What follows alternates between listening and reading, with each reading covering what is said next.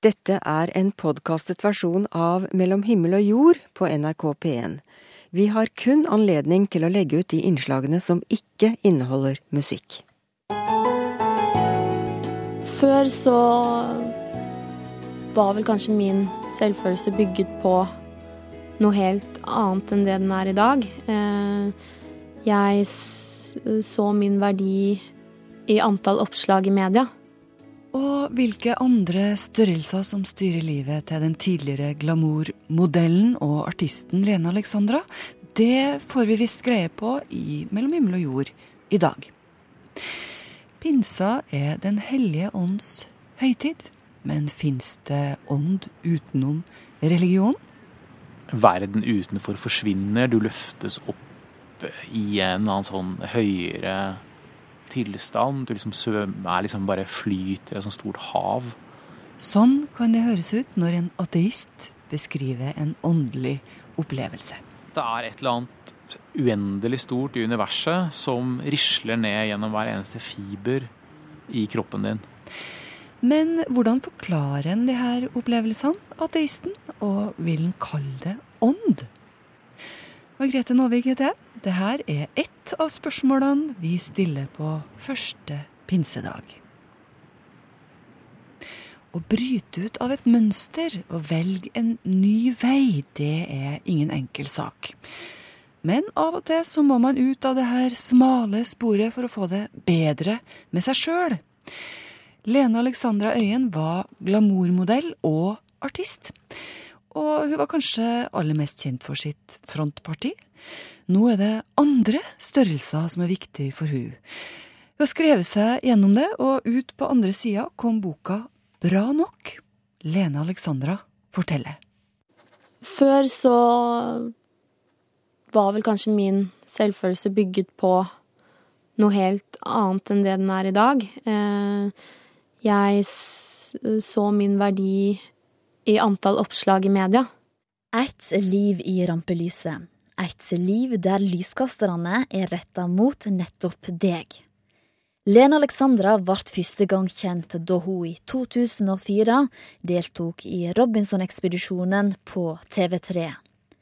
Kjendislivet ga mersmak, og i åra som fulgte, prøvde hun seg både som glamourmodell og artist. Silikonpuppene var merkevaren, og Lene Alexandra gjorde alt for å få publisitet. På forsidene kunne vi se ei lyshåra, vakker, smilende kvinne. Men innerst inne var Lene Alexandra ei usikker jente som lette etter bekreftelse.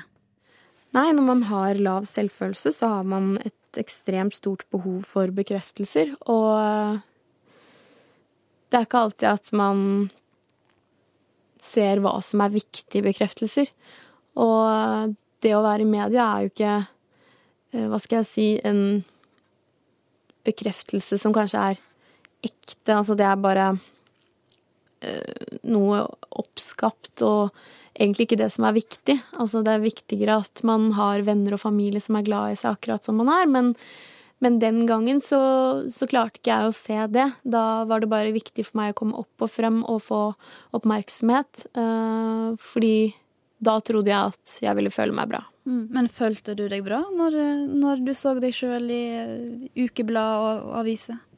Um, altså, det, det, blir Når man er drevet av uh, av det å få oppmerksomhet fordi man har lav selvfølelse, så blir jo det på en måte som en rus, akkurat som uh, alkohol eller uh, narkotika. Uh, det blir et behov. og det kan også bli et slags kick. så det var jo en del av hverdagen min da. Lene Alexandra mener dårlig selvkjensle, kombinert med den store lysten på oppmerksomhet, gjorde at hun var lett for andre å styre. Og hun lot seg styre. Men etter hvert i karrieren merka Lene Alexandra at mye av det hun gjorde, stridde med de indre verdiene. Jeg hadde gitt ut en låt som het My Boobs Are Okay, som hadde fått plasseringer på listene i flere andre land, og jeg hadde vært turnert i andre land. Eh, det var gøy, og det var jeg med på. Eh, men underveis på reisen så følte jeg at det ble litt for mye fokus på sex. Og jeg ønsket jo å fokusere på musikk fordi jeg likte å synge og jeg hadde lyst til å være artist. Uh, og jeg følte vel at den rollen jeg spilte, var litt langt ifra den jeg egentlig var. Og så kom vel egentlig forslaget opp med at jeg skulle synge en låt som het My Ass. Og det var mange sånne småting, uh, men det var vel kanskje en av de tingene som, som gjorde at jeg følte at jeg var, var veldig Hadde veldig lyst til å hoppe av. Og du gikk jo videre. Ja. Mm. Den endringen skjedde jo gradvis over flere år, for endringer tar jo tid. Um, men jeg var jo med på veldig mange ting. Og jeg mestret jo de fleste utfordringene jeg kastet meg ut i. Og det gjorde jo at jeg innså at jeg faktisk var god på ting. Og mestring gjør jo at man øker selvtilliten. Så selv om jeg var svak og usikker, så sakte, men sikkert så følte jeg at jeg eh, ble mer selvsikker, da. Selv om det har tatt tid å komme dit jeg er i dag. Jeg ønsket å være mer meg selv og føle at jeg var fri. Eh, frihet er en av de aller viktigste verdiene mine, og det samme er ærlighet og og rettferdighet, og jeg følte flere ganger at jeg ble tvunget til å lyve, eh, og det var veldig ubehagelig for meg å skulle tråkke over verdiene mine på den måten. Det gjorde at jeg følte meg veldig dårlig, eh, og til slutt, når det ble gjort for mange ganger, så orket jeg ikke mer. Noe av det aller viktigste vi har, er jo verdiene våre. Eh, og det er jo noe av det som har vært veldig viktig for meg når jeg har skullet bygge opp selvfølelsen på ny og eh, finne tilbake til eh, mer den jeg er. Lena Alexandra valgte å fjerne silikoninnleggene, det som i mange år var varemerket hennes. Hun har òg lagt glamourmodell- og artistkarriere på hylla. I dag er Lena Alexandra utdanna mental- og personlig trener, og har starta sin egen bedrift der hun hjelper andre mennesker med å nå målene sine. For noen år tilbake var penger, utsjånad og store medieoppslag den store gleden for 32-åringen. Men hva blir hun mest glad av i dag? Nei, det er vel egentlig det å være sammen med mennesker som som er seg selv, og som liker meg akkurat som jeg er. Sånn at vi kan snakke fritt og være oss selv. Eh, det er vel noe av det som jeg syns er setter mest pris på, da. Og det at man har en god helse Noe av det jeg er mest opptatt av, er jo å ha balanse. Eh, for hvis du ikke får nok søvn, ikke får trent, ikke spiser sunt og er sammen med negative mennesker, da blir det slitsomt. Så jeg vet hvilken behov jeg har for at jeg skal føle meg best mulig. Eh, og så er det da å få dekket de, da. Så har det liksom vært viktig for meg å skrive ned hva som faktisk er viktig for meg i livet. Så du skriver faktisk eh, det på et ark? Ja, eh, det er faktisk Jeg pleier å skrive ned verdiene mine og målene mine. Og når du skriver ned målene dine, så er det faktisk 30% større sjanse for at du når de. Tar du de fram av og til og ser på deg? Absolutt. Jeg har pleid å skrive det ned. For eksempel da jeg eh, var med i Skal vi danse, skrev jeg 'Vinne skal vi danse' på en lapp. Og når det var ferdig, så fant jeg den lappen, og da kunne jeg krysse av, og så var det målet nådd. Mm. Er det dager der du angrer på at du hoppa av med showbiz?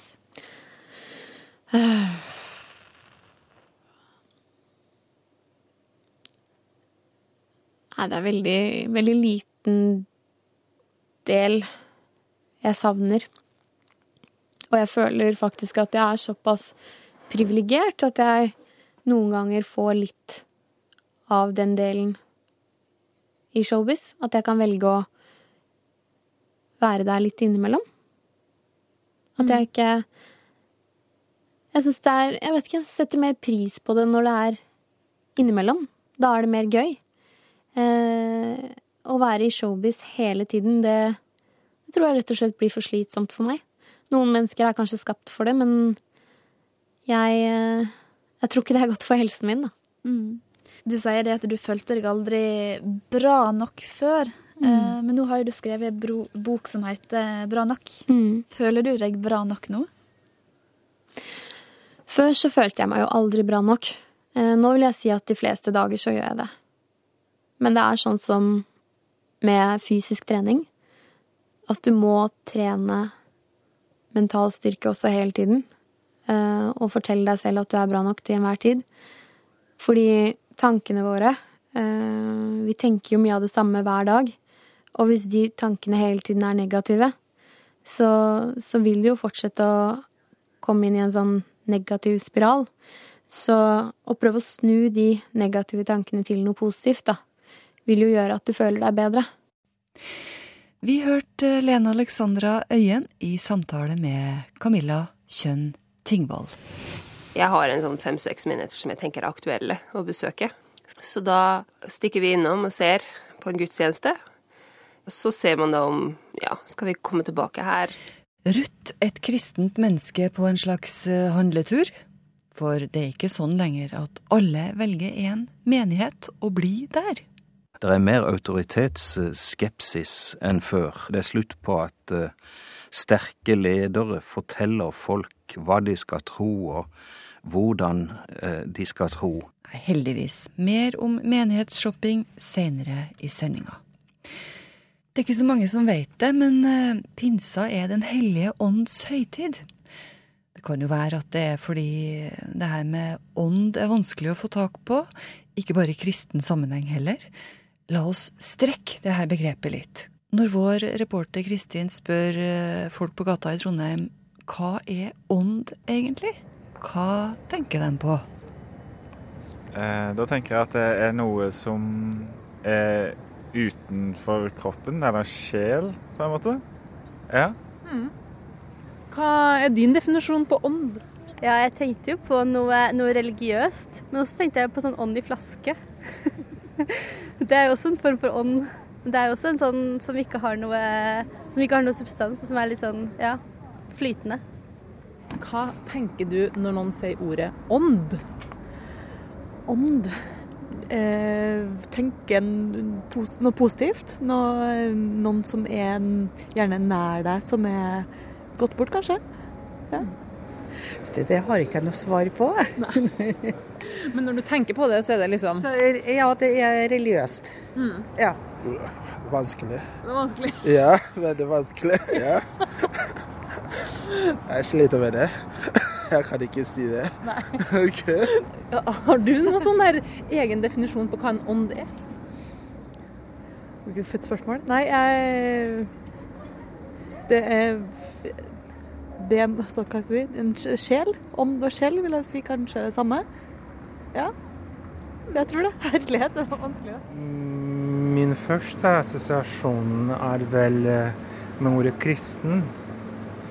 Så jeg tenker på kristen tro og Nidarosdomen. ja, det er mange som eh, forbinder åndelige opplevelser med religion. Men diskusjonen går nå blant ateister og humanetikere. Trenger alle mennesker et sånt begrep? Er det greit å snakke om ånd utenfor det religiøse landskapet? Ja, Det er jo det ordet igjen da, som jeg ikke vet om jeg er helt bekvem med å bruke. Fordi når man som ateist, som jeg er, begynner å snakke om ånd, så er det en hel masse mennesker som står klare til å hoppe på deg og mistolke måten du bruker ordet på. Mm. På den ene siden så har du eh, ateister som meg, eh, som tenker at nei, nå begynner han å bli religiøs på sine gamle dager. Og på den andre siden så har du en masse folk, f.eks. i kirkelige kretser, som mener at dette også er et tegn på at Didrik egentlig er kristen. Didrik Søderlind er det fulle navnet hans. Han er altså ateist. Han holdt til i Human-Etisk Forbund sine lokaler til daglig, og er midt inne i denne diskusjonen. Ikke det at Didrik ikke har åndelige opplevelser, for der andre faste og våke og anstrenge seg for å komme i kontakt med det åndelige, så har han lett for det. nervesystemet mitt er skrudd sammen sånn at jeg kan få de der tingene uten å anstrenge meg noe særlig. og plutselig så opplever jeg veldig rare ting, da, ikke sant. Som eksempel å se kanskje det man kanskje kan tolke som Guds hånd på toalettet på forsøksgymnaset da jeg gikk der en gang i tidenes morgen. ikke sant? Fortell, jeg, jeg fortell om det. Sånne, nei, jeg hadde Jeg gikk og skulle la til vannet på forsøksgymtoalettet, og plutselig så kommer det liksom en stor hånd ut mellom mellom eh, avlukkene og med sånn, gir en sånn bedende gestus. Ikke sant? Og, det, og så tok jeg meg i det, og så skjønte jeg at det var en eller annen slags sånn synshallusinasjon. Da hadde jeg, hatt, eh, hadde jeg vært uh, veldig mye våken og sovet veldig lite, og da begynner nervesystemet mitt å spille meg puss. Men dersom jeg hadde f.eks. vært en eller annen mystiker, så hadde det vært uh, veldig fristende å tolke det som et tegn fra oven, ikke sant? På do. Det, ja, på do. ja, altså, når Didrik har sånne opplevelser, hva skal han kalle dem? Det her diskuterer nå ateister og humanister verden over. Religiøse miljøer her i Norge har lang tradisjon og godt utvikla språk, sier Didrik. Men ateister har også bruk for de her ordene. Nesten hele språket vi har, er religiøst ladet. Så hvis du begynner å snakke om spiritualitet, åndelighet osv., om en mystisk opplevelse f.eks., eller noe sånt noe, så er du med en gang over i det territoriet der. Og, og det er jo et kjempestort problem for ateister og humanister, for det betyr jo at vi nærmest indirekte lar de religiøse få enerett på en veldig viktig del av menneskelivet. Um, fordi de er så gode på å snakke på det, om det, og de har holdt på å snakke om det så lenge også. Og jeg tror det er en av grunnene til at denne diskusjonen begynner å komme for fullt i humanistbevegelsen og i ateistkretser nå. Sett at vi alle kunne ta i bruk ord som spiritualitet og åndelighet, da, ville at vi kom nærmere hverandre og forstå hverandre bedre da, med felles språk. Sånn argumenterer noen.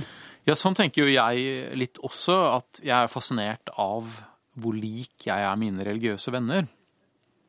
Hvor liten forskjell det faktisk er på oss. Vi begrunner kanskje en del av standpunktene våre på litt forskjellige måter, men vi har påfallende like standpunkter.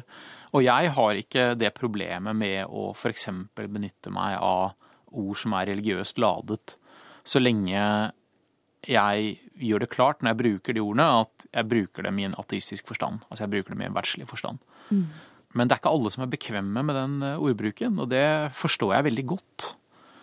Og noen har jo opplevelser med religion som er veldig negative. Og jeg tror at noen også føler at dersom de tar i bruk et språk som er religiøst farget, så er de med på å legitimere religionen, og det har de ikke lyst til. Hva var din siste åndelige opplevelse? Eller, min eller... siste opplevelse jeg kanskje vil kalle åndelig, det var kanskje den litt sånn ærbødigheten jeg følte da jeg fikk lov til å være taler til humanistiske konfirmanter i Harstad i helga.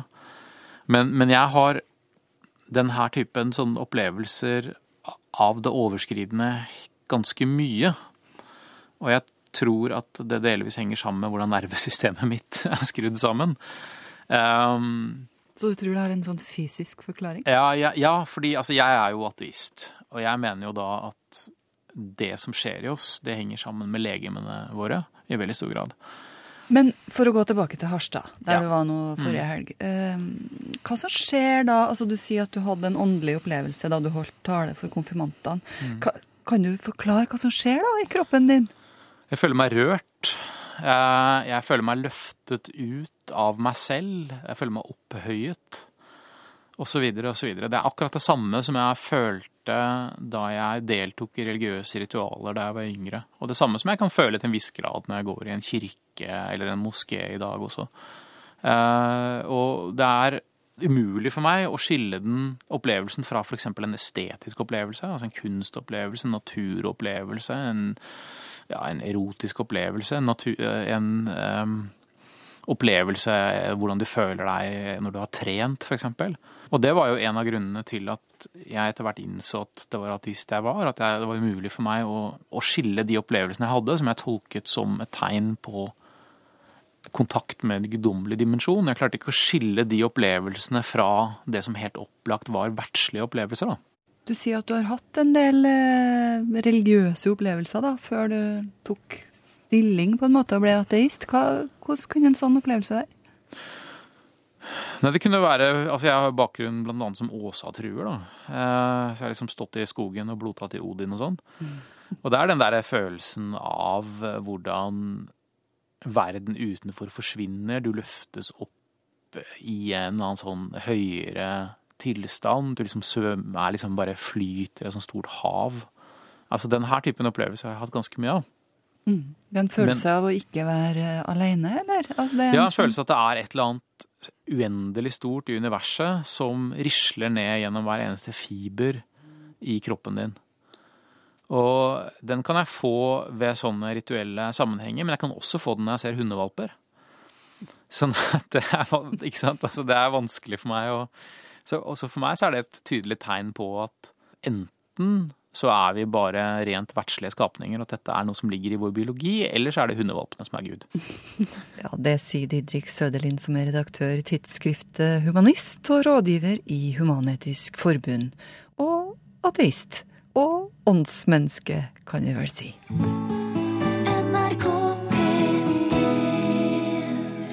Det postmoderne mennesket er et kjent begrep for mange, men har du hørt om dets kristne søskenbarn? Menighetsshopperen? Det er nemlig et begrep som eh, etter hvert får stor betydning i kristne miljøer, og det betyr ganske enkelt et postmoderne menneske på religiøs handletur. Men mitt inntrykk er at vi generelt i et samfunn som det norske i dag lever mer på markeder. Vi er mer utsatt for markedsføring. Vi blir fortalt at valgfrihet er viktig. Og det smitter også over på det religiøse liv, altså. Vi blir mer forbrukere, også religiøst sett. Vi blir mindre trofaste og iherdige borgere. Vi blir mer noen som forsyner oss av en, en meny. Dette tror jeg er en nokså generell tendens, og, og det, det, at den er såpass generell, det er noe av det som får meg til å trekke de der, kanskje noen vil si litt spekulative linjene over til at vi er, vi er veldig ofte i roller som velgende forbrukere, og da blir vi også det til en viss grad i, i religiøse sammenhenger. Pål Repstad er professor i religionssosiologi ved Universitetet i Agder. Han virker som rett mann å spørre ut om min teori. Er dagens unge kristne mindre knytta til den kirka de er vokst opp i, enn generasjonene før dem? Vi har ikke noe presise tall for dette, for jeg tror ikke noen i og for seg har forska på dette på den måten at de har, har telt sånn uh, trafikk mellom uh, trossamfunn.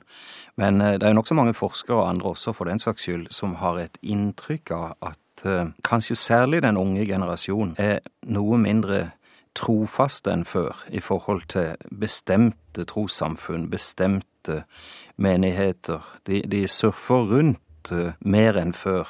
Og det er jo ikke sånn at vi har gjort opptellinger av eh, denne trafikken, men det er et inntrykk vi har støtt på ganske mye, at gjerdene mellom de ulike miljøene er lavere enn før.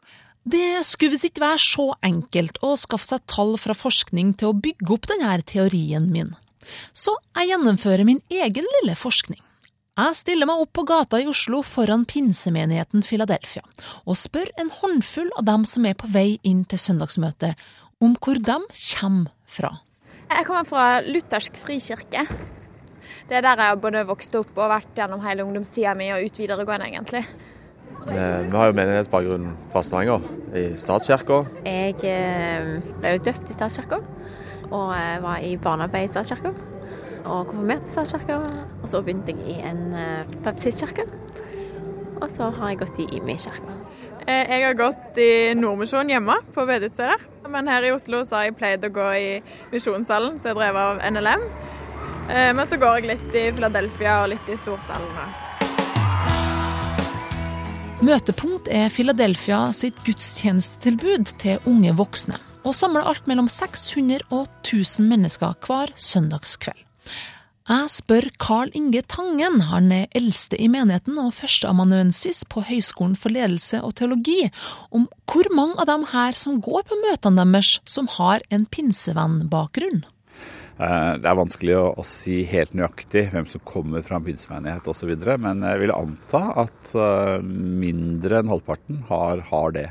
Hva tror du er den eller de viktigste forskjellene fra generasjonene før? Jeg tror jo det at uh, hvis man flyttet fra Vestlandet og gikk i, i Misjonssambandet og til Oslo for 30 år siden, så ville man i større grad si at da, da, begynte man automatisk å gå i misjonssalen. Mens uh, som jeg, som da var pinsevenn og begynte å studere på Menighetsfakultetet den gangen, det, det, var på en måte en grenseoverskridende greie å begynne å gå og studere et annet sted. da. I dag er kanskje situasjonen motsatt. Det er ganske vanlig å gå i flere kirker samtidig eh, i de store byene uten å liksom binde seg eller forplikte seg på én kirke. Så i dag så er kanskje den grenseskridende greia det er å ikke på en måte tilhøre litt mange steder, men, men å si at jeg er ett sted. Men hva tror du gjør at dere samler så mye forskjellige unge voksne? Det er også ikke enkelt svar på det, men eh, sånn fra enkle samtaler og fra min egen forskning på andre kirker, så handler det om at man opplever en forkynnelse som at folk får hjelp til å leve livet sitt i, i hverdagen. Det handler om eh, også at man finner venner, og et estetisk uttrykk også som man kan identifisere seg med som, som, som ung kristen. Og mye av den samme begrunnelsen får jeg òg fra religionssosiolog Repstad. Det er mindre vekt på rett lære og at akkurat ditt trossamfunn står for det riktige. Det er mer vekt på det sanselige, på de, de gode opplevelser, på de, de trivelige aktivitetene, på fellesskapet. Jeg har et behov for å få denne teorien min bekrefta fra flere hold. Ruth Skree jobber som menighetsutvikler i Nordmisjon og er sjøl ung voksen og på leit etter ny menighet. Ja. Men jeg tror det var veldig annerledes før. Hører venninners mødre og min mor, og bare altså hvor viktig det var. Det var mye mer en identitetsspørsmål hvor du hørte hjemme, og du gikk bare ikke til et annet sted. Og der har jeg jo situasjonen en helt annen i dag. Det er en helt annen anerkjennelse av hverandre, og til å snakke godt om det andre gjør. Jeg tror ikke det har med teologisk slepphendthet å gjøre, men kanskje en anerkjennelse at vi har flere teologier. Og så tror jeg nok mye av min generasjon har en annen sans for det sosiale og det estetiske i en, en gudstjeneste og i et menneskeliv sånn generelt. Ruth har vokst opp i statskirka, men har vært aktiv i mange forskjellige miljøer og menigheter opp igjennom. Nå har hun flytta tilbake fra USA og er på sjølerklært menighetsshopping. Jeg har en sånn fem-seks menigheter som jeg tenker er aktuelle å besøke. For, for, vår del i begynnelsen, i hvert fall. Det er søndagsmøter fremdeles som står sentralt. Så da stikker vi innom og ser på en gudstjeneste. Så ser man da om ja, skal vi komme tilbake her? Og så tar man det litt derfra, tror jeg. Jeg prøver å finne et sted hvor vi kan være hjemme. Ungdommen nå til dags. De ser tydeligvis ingen store problem med å finne seg en ny menighet i et annet kirkesamfunn. Men det store spørsmålet er hvorfor har det blitt sånn? den viktigste, eller iallfall én viktig poeng her for å forstå denne økte trafikken mellom eh, trossamfunn, det er at eh, det er mer autoritetsskepsis enn før. Det, er slutt på at eh, sterke ledere forteller folk hva de skal tro, og hvordan eh, de skal tro. Vi har jo sett i religionsforskning at det er en tendens til at folk skifter religiøst miljø, eller eventuelt går i religiøs passivitet, når de flytter. Og det kan jo fortelle noe om at uh, det religiøse har da vært uh, kanskje knytta til respekt for foreldre og for andre autoriteter. Det blir en konkurranse om folks tid, ikke sant? Det blir viktig å legge vekt på det som samler, og ikke på det som splitter. Det blir viktig å komme med hyggelige og inkluderende tilbud.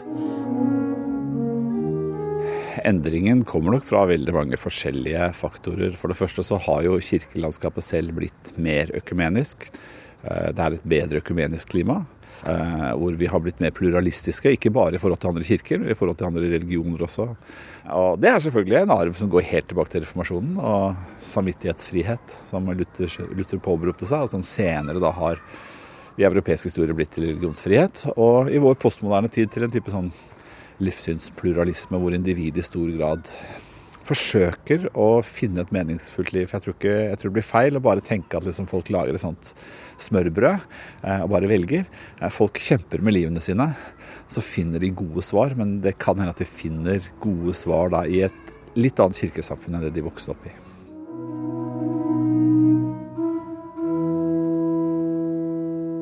Du hører på Mellom himmel og jord i NRK P1. Kjetil Kern han er ikke terapeut, han er ikke psykolog eller filosof, ikke prest heller. Ikke mer enn deg og meg, i alle fall. Han er i grunnen ikke ekspert på noe annet enn sitt eget liv. Men eh, det er ikke så lite det, ser du, for Kjetil han vokste opp med en stor familiehemmelighet. Farfar var nazist. Ikke bare var han nazist, han var glødende nazist. Det var han som oversatte Hitlers Mein Kampf til norsk. Og sånn som Kjetil ser det, så vokste han opp med et stort sår som ingen måtte se. Derfor ble han så interessert da han leste om det her med sårvenner. Fordi det er slik at når vi treffer hverandre og inngår forhold, så lukter vi på hverandre, finner ut hva slags status vi har i samfunnet, hva slags religion og hva slags interesse vi har. Og så blir vi mer og mer interessert i hverandre. Og så begynner vi å kjenne litt på sårene til hverandre. Og da er det slik at den ene forteller om noen sår, og så tar motparten eventuelt og parerer de sårene sånn at det blir en balanse mellom disse sårene. Og da eh, smelter man seg sammen, og så blir man det Caroline Miss eh, kaller for sårvenner. Dette her er jeg opptatt av, fordi min bestemor og bestefar ble sårvenner ut fra at de hadde sine sår fra hver sine eh, familier, og ble sårvenner i nasjonalsosialismens navn. Og min mor og far, som eh, eh er barn av eh, NS, som er NS-barn, og som var med i Ungehiden, hadde sine sår. Og på den måten ble også de sårvenner. Og selv om de gikk fra hverandre og ble skilt, og det var et turbulent forhold, så kom de sammen igjen helt på tampen når min far skulle døde, fordi de var ufraskillige. Fordi de var sårvenner. Mm. Og jeg vil også påstå at jeg og min eh, samboer, som har vært sammen i 26 år, Karin, også er sårvenner. Ok, Men kan du fortelle om da du møtte Karin? Ja, da var jeg eh, en sint, eh, emosjonell, sårbar eh, mann som nettopp var ferdig og hadde brutt opp med, med, de aller verste. Og hun hadde sine ting. Og helt umiddelbart så flyttet vi sammen. Vi flyttet til sammen etter seks-syv dager. Og hvor får du en sånn kraft fra? Jo, fordi det er noen sår. Vi var sårvenner. Og det har holdt oss sammen vi, vi, har så behov for speiling. Mm. og, og, ikke minst ting som er vondt, som vi holder hemmelig. Da, da åpner vi oss, vet du. Da, da smelter vi sammen. Mm. Mm. Men problemet er at man, at man, da kan få et helt sånn At forholdet blir helt symbiotisk. Og at man blir en sånn liten klubb hvor man dyrker disse sårene og snakker om disse sårene og så kan det bli vanskelig å komme videre i forhold til disse sårene. Fordi hvis den ene går ut og får bearbeidet dem, så blir du sett på som en sviker av din partner. Det trenger ikke å være av det gode, da, sier du? Nei, man kan Man må gjøre noe med det. Ja. Først så må man bli fenomenet bevisst. Allerede da har man kommet veldig langt. Fordi da har man muligheten til å gripe fatt i det, ta tak i det. Mm. Og så tar man tak i det, og så utvikler man seg. Og så kan det godt hende at disse sårene får gro, og så at man møtes på et nytt nivå, hvor ikke sårene er fundamentet i, i forholdet. Hvorfor har vi så mange skilsmisser? Jeg vet ikke. Har det noe med sårvenneproblematikk å gjøre? Fordi vi blir tiltrukket hverandre uten å ha et bevisst forhold til sårene i oss, og så klarer vi ikke å, å gjøre noe med dem, og så blir vi rasende på hverandre, og til slutt så kan du ikke le på øyet engang uten at den andre eh, hyler til deg, og så må man bare bort fra hverandre. Ren avmakt. Så det har med sår å gjøre, tenker du? Ja, jeg lurer på om ikke dette har med sår å gjøre. I et forhold så må vi snakke sammen. Vi må eh, si hvordan vi har det, og si det sånn som det er. For ellers så blir det ikke noe bevegelse i forholdet, og vi klarer heller ikke å drive hverandre framover. Man må snakke og, og presse hverandre, sånn at man beveger seg i forhold til hverandre. Og da gjør du også noe med sårproblematikken. Og det her har noe med ærlighet å gjøre, da? For- Dette har med ærlighet å gjøre. Det handler om å, å si hvordan du har det. Si, hvordan, si akkurat sånn som det er. Og, og gjøre det. Ikke ha hemmeligheter. Ikke være taus, ikke holde kjeft, ikke finne på lurerier. Det er da svikhistoriene kommer, og det er da tillitsbruddene kommer, og det er da verden går i knas. Derfor er det viktig å bli eh, fenomenet bevisst, sånn at man kan merke det i det det skjer. Så kan du i hvert fall, da har du iallfall merket det, og så kan du le litt av deg selv, eller gripe fatt i det. Sånn at du kan følge med hva som foregår i deg og med deg. Hvordan gjør du det? Jobbe med å bli bevisst. Det gjør du ikke før du sitter så i Når du har det fælt, så må du ha det så fælt at du må gjøre noe som er fælt. Og det å gjøre noe fælt, det er å gripe fatt i deg selv og jobbe med deg selv. Fordi du skjønner da at det er mindre fælt enn så fælt du har det. Akkurat. Men nå, hvor lenge har du levd sammen med, med din Karin? Jeg er 26 år. Ja. Hva har skjedd? Altså, hvor, hvor er ståa nå? Er alt på plass? Nei, eh, det skal det heller ikke bli, fordi da, da blir jo livet veldig kjedelig. Vi, vi må jo ha noen skyggesider, ellers så blir ting eh, eh, rosenrødt. Men man, må men man må være dem bevisst. Man må vite, eh, vite at du har dem, og, så, og, så, og, så, eh, og at du på en måte styrer dem. Og at de ikke, at de ikke lever sitt eget liv, at skyggesidene eh, styrer deg. Er det lettere nå enn for 20 år siden? Ja. Hvordan blir det om 20 år, da? Det blir enda lettere. Fordi det, det er nå det begynner. Jeg er 59 år, det er nå det begynner. Jeg ble ikke voksen før jeg var rundt 54 år. Nå føler jeg meg relativt voksen, og nå har jeg 30 år framover i tid. Det sier optimisten Kjetil Kern, 59 år. Det er nå det begynner. Kjetil mener også at eh, vi leter etter mennesker som har like store sår som oss sjøl. Og Kjetils store sår handler om at farfar var nazist. Kjetil har akkurat avslørt sin familiehemmelighet i boka Hva har du med Hitler å gjøre, pappa? Margrethe Nåvik heter jeg, og det er tomt i sekken vår på første pinsedag. Send oss en e-post dersom du får ånden over det. Himmel og jord. Krøllalfa. NRK.no. Hør flere podkaster på nrk.no podkast. NRK P3